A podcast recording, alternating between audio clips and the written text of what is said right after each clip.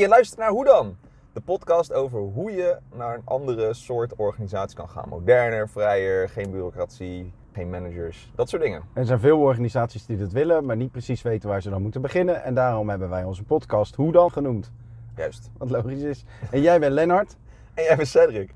Je kan dit luisteren in de auto, net als dat wij het opnemen in de auto. En je kan ons ook bellen. Of Wat? mailen. Hoe dan ook. Ga lekker luisteren naar de komende podcast. Sorry dat deze intro iets te lang duurde. En sorry dat hij niet zo heel erg goed is. Maar ja, hè? we zijn zo lekker onszelf. Koop ook ons boek. Hallo allemaal. Hallo allemaal. We hebben de keuze en nu mag jij kiezen. Weer. Zullen we dat de pig, De pig Q&A of die eh, ingewikkelde? die ingewikkelde? Met de syndromen. Ja, die eerst. Dan heb ik die. dan heb ik Zeg die het maar, vast. syndroom. Ja, Pygmalion effect Effect. en het eh, Gollum effect.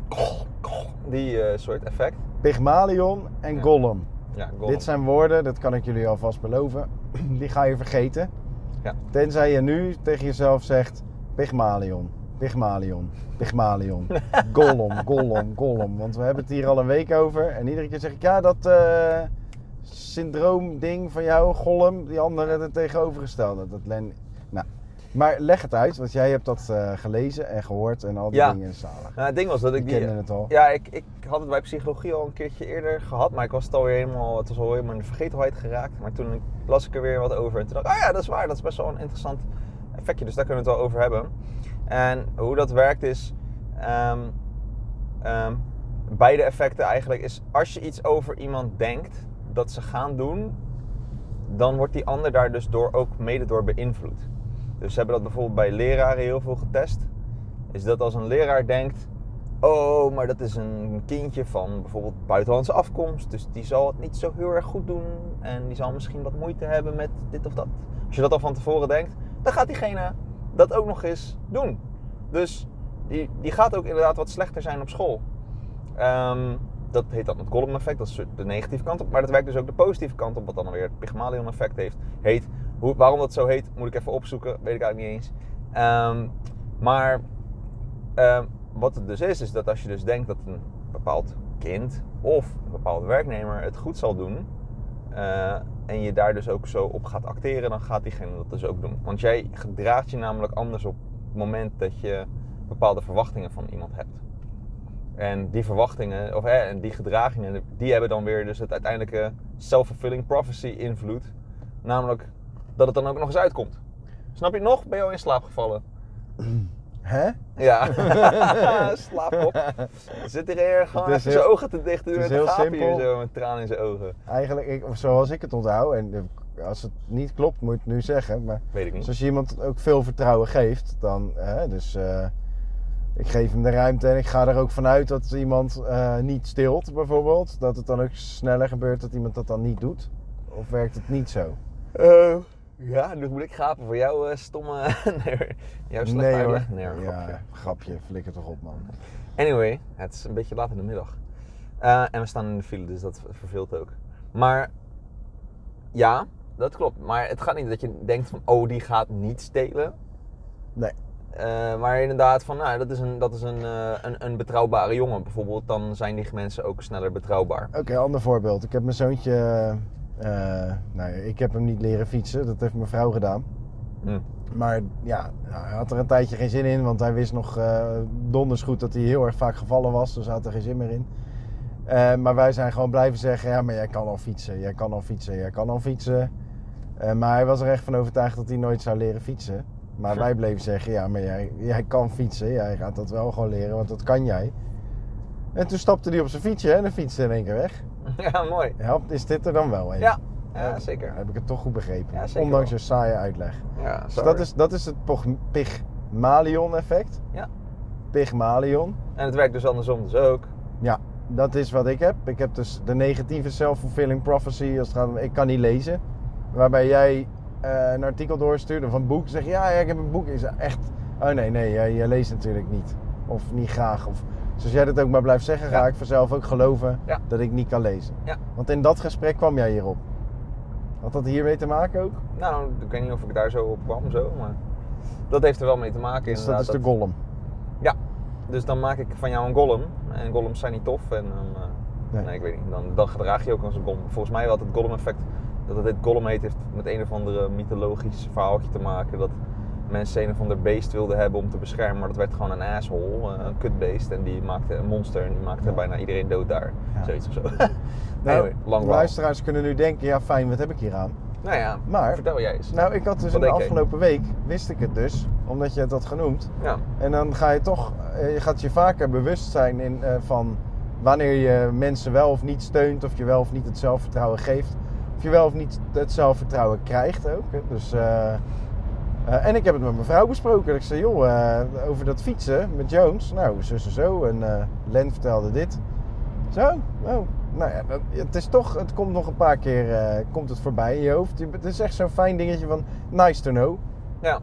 Je weet hem nu. Nou, daar hadden we het natuurlijk net, waar we vandaan kwamen, ook een beetje over. Van dat het goed is om dingen die, onbewust, die je onbewust soms doet, daar gewoon even bewust van te zijn.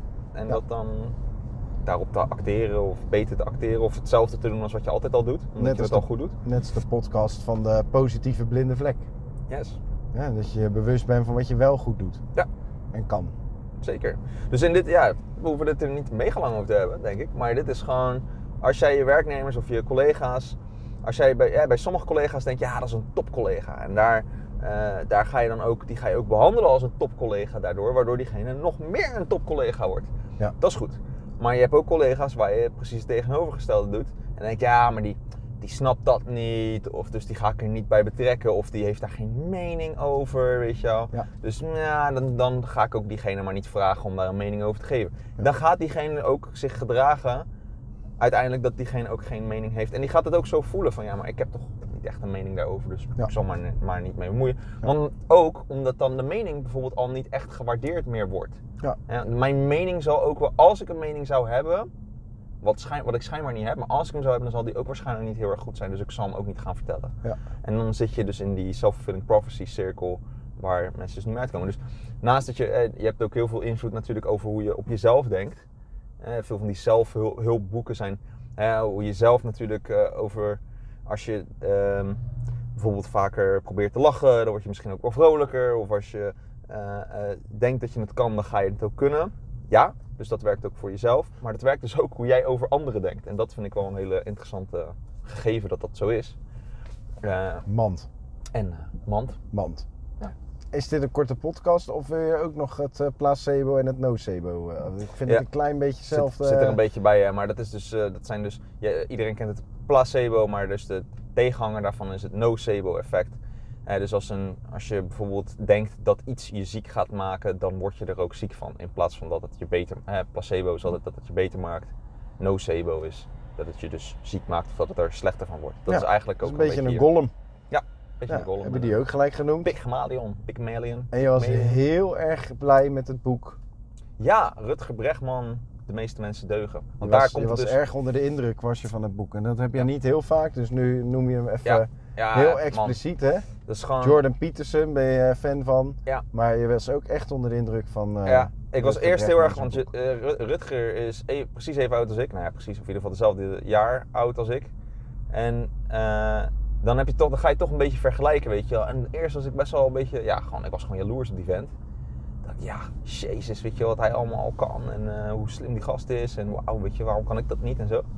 En nu heb ik zijn boek gelezen en denk ik, ja, die gast is gewoon next level. dat vind Ja. ik gewoon ook echt heel tof, Ja. weet je wel. Hij is gewoon echt cool. He is special. Is een special boy en ik vind hem echt heel cool. Met dezelfde meningen, wat ook wel eens fijn is. Ja, want dat- dat, dat zo'n special iemand Precies. dan ook wel dezelfde dingen verkondigt, dan kan je Ja. hem wel waarderen. Ja, nou, hij is, ja zeker. Dat Mhm. vooral.